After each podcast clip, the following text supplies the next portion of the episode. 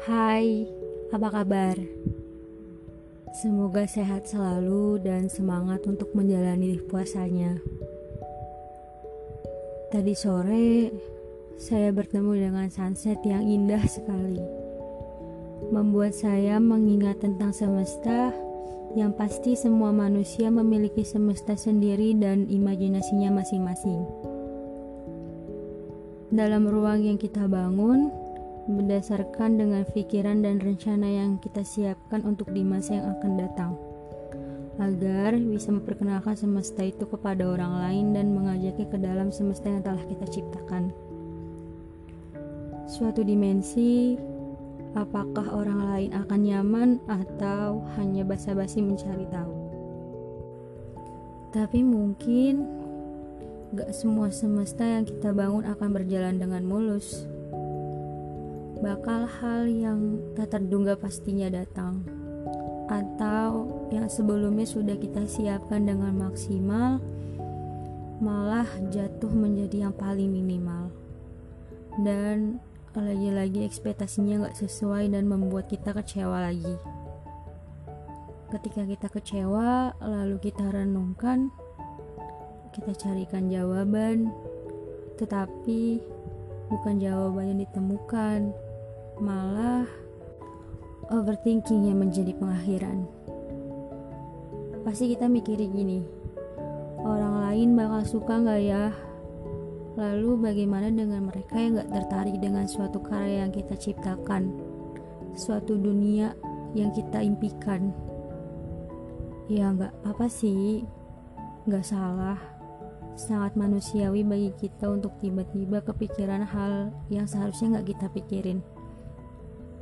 Tapi yang harus diketahui, kadang yang belum kita tahu jawabannya, lebih baik kita jalani dulu. Hasilnya nanti Tuhan yang menentukan. Lalu, tentang perjalanan hidup berdasarkan semestanya, banyak banget hal yang terjadi saat kita menciptakan imajinasi dalam semesta itu, apalagi melibatkan orang lain di dalamnya entah pendapat, harapan, atau support. Bahkan karena melibatkan orang lain bakal ada pertengkaran di dalamnya. Karena apa? Untuk pemikiran diri sendiri aja itu lebih rumit dari segala dunia dan isinya. Bagaimana ketika dua kepala yang harus disatukan pikirannya? Lagi-lagi diri sendiri lagi yang harus disalahkan. Lagi-lagi semesta yang tak ingin ada orang lain ikut campur antara kita dan semesta. Semua memang harus dibatasi. Kadang kesendirian juga perlu dalam hidup dan itu gak salah. Lagi-lagi gak salah sama sekali. Karena capek juga menaruh banyak pengharapan ke dalam diri orang lain tapi ujung-ujungnya mereka tidak akan bisa. Cuma semesta doang yang tahu apa yang kita rencanakan, dan ia memintanya agar kita sendiri yang menyelesaikan. Beda lagi ceritanya jika membangun semesta baru berdua.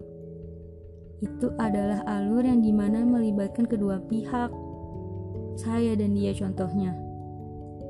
Yang harus membangun semesta dan imajinasinya baru, tapi masih rentan dan harus dihentikan tiba-tiba. Yang tiga tahun dua tahun aja kadang bisa berhenti karena hal lain tertentu. Bagaimana dengan yang hanya satu bulan, dua bulan, tiga bulan? Pasti itu juga lebih rentan. Dan itu karena semesta masing-masing yang harus disatukan itu bukan perihal yang mudah butuh adaptasi baru, keadaan dan sikap baru, dan perwujudan baru. Semua butuh jeda, tidak bisa disatukan saat itu juga. Ada proses perjalanan yang harus ditempuh lika-likunya, kerikil batu, sakit derita, dan harapan-harapan yang musnah seketika. Kesimpulannya, Jika kita ingin memulai memperkenalkan semesta dan imajinasi kita kepada manusia lain, kenalkan dan pelajari dahulu semesta yang kita mau alur hidupnya dan perjalanannya seperti apa. Setelah itu, baru kita bisa menyatukan dengan manusia yang mungkin sepaham dengan semesta yang kita perkenalkan. Gak apa-apa kok, gak salah. Semua kan butuh istirahat. Pelan-pelan aja tapi pasti adanya.